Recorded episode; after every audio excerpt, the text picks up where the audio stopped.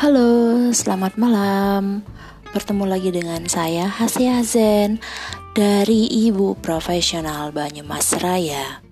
Nah hari ini adalah hari ke-8 artinya sudah lewat satu pekan tantangan di zona 1 komunikasi produktif kelas Bunda Sayang batch 6 um, dan tantangan ini menjadi semakin menarik ya karena saya pribadi merasa saya menjadi semakin berkualitas dalam hal berkomunikasi baik dengan anak ataupun dengan suami karena saya tahu poin-poin apa yang membuat komunikasi itu menjadi berhasil dan mudah diterima. Wah, senang sekali rasanya saya sudah bisa sejauh ini melangkah ya. Nah, di hari ke-8 ini saya masih berpetualang bersama anak sulung saya, Kakak Wawa dan hari ini judul petualangan judul temuan saya adalah mencuci sepeda. Nah, um, seperti di tantangan hari sebelumnya, seperti yang saya ceritakan di tantangan hari sebelumnya itu kakak Wawa baru saja bisa naik sepeda. Jadi dia sedang semangat-semangatnya. Nah, tapi um, hari ini ada berita kurang baik. Jadi pasien COVID di sini di Wonosobo itu bertambah drastis sekali dan sekarang sudah hampir ada di angka 500 kasusnya. Nah, um, sehingga saya dan suami jadi khawatir. Wah dia lagi senang-senangnya naik sepeda tapi sedang seperti ini. Apa iya? Terus kita mengizinkan dia untuk main di lapangan sama anak-anak yang lain gitu. Nah akhirnya kita putuskan ya udahlah kakak gak usah main di luar dulu ya.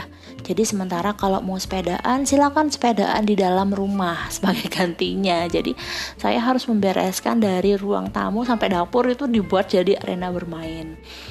Nah ini udah saya siapkan hari ini sebetulnya untuk jadi arena sepedaannya. Tapi um, karena sepeda ini biasanya mainnya di luar dan otomatis kita nggak tahu mana bagian yang terkena najis seperti itu kan jadi um, tantangan saya adalah saya harus memilih diksi yang pas agar kakak paham saat saya menjelaskan soal najis dan cara mensucikannya dan dia juga jadi punya kesadaran untuk mencuci sendiri sepedanya.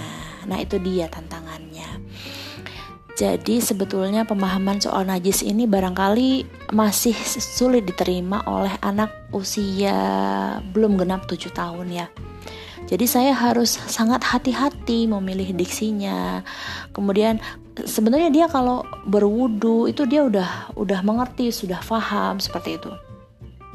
Tapi memang soal najis ini saya belum pernah belum pernah mengajarkan. Tapi ya sedikit-sedikit tadi saya pahamkan kalau ada hal-hal yang membuat ibadah kita tidak diterima oleh Allah. Salah satunya adalah ketika tempat ibadah kita itu ada najisnya.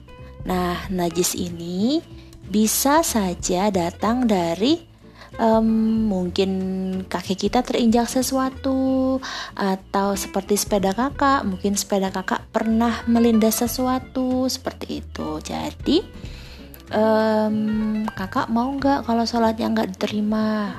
Seperti itu. Dan alhamdulillah dia bisa menerima bisa paham dan dengan apa yang saya jelaskan dan ketika saya bilang oke okay, kalau begitu kita cuci dulu sepedanya ya nah, kemudian uh, akhirnya dia punya kesadaran untuk mencuci sendiri sepedanya. Jadi saya hanya membantu membalikan sepedanya. Setelah itu dia sendiri ngambil sabun, ngambil spon, menggosok, menyikat, menyemprot sepeda sampai mengelap sampai kering dan siap dipakai itu dia lakukan sendiri. Nah, jadi poin yang saya dapatkan hari ini adalah jika anak paham tentang sesuatu, jika anak mengerti apa yang kita jelaskan, dia akan melakukannya dengan bahagia dan penuh kesadaran. Nah, itu dia temuan saya hari ini, teman-teman. Berapa poin yang saya dapatkan? Saya memberikan poin 4 Kenapa? Karena sejujurnya saya masih merasa kesulitan memilih diksi yang pas. Jadi saya masih menggunakan bahasa yang agak panjang seperti itu untuk menjelaskannya karena ini belum pernah masuk dalam pembahasan kami soal najis ini. Nah, itu dia. Begitu saja ya, teman-teman. Terima kasih sudah mendengarkan. Selamat malam.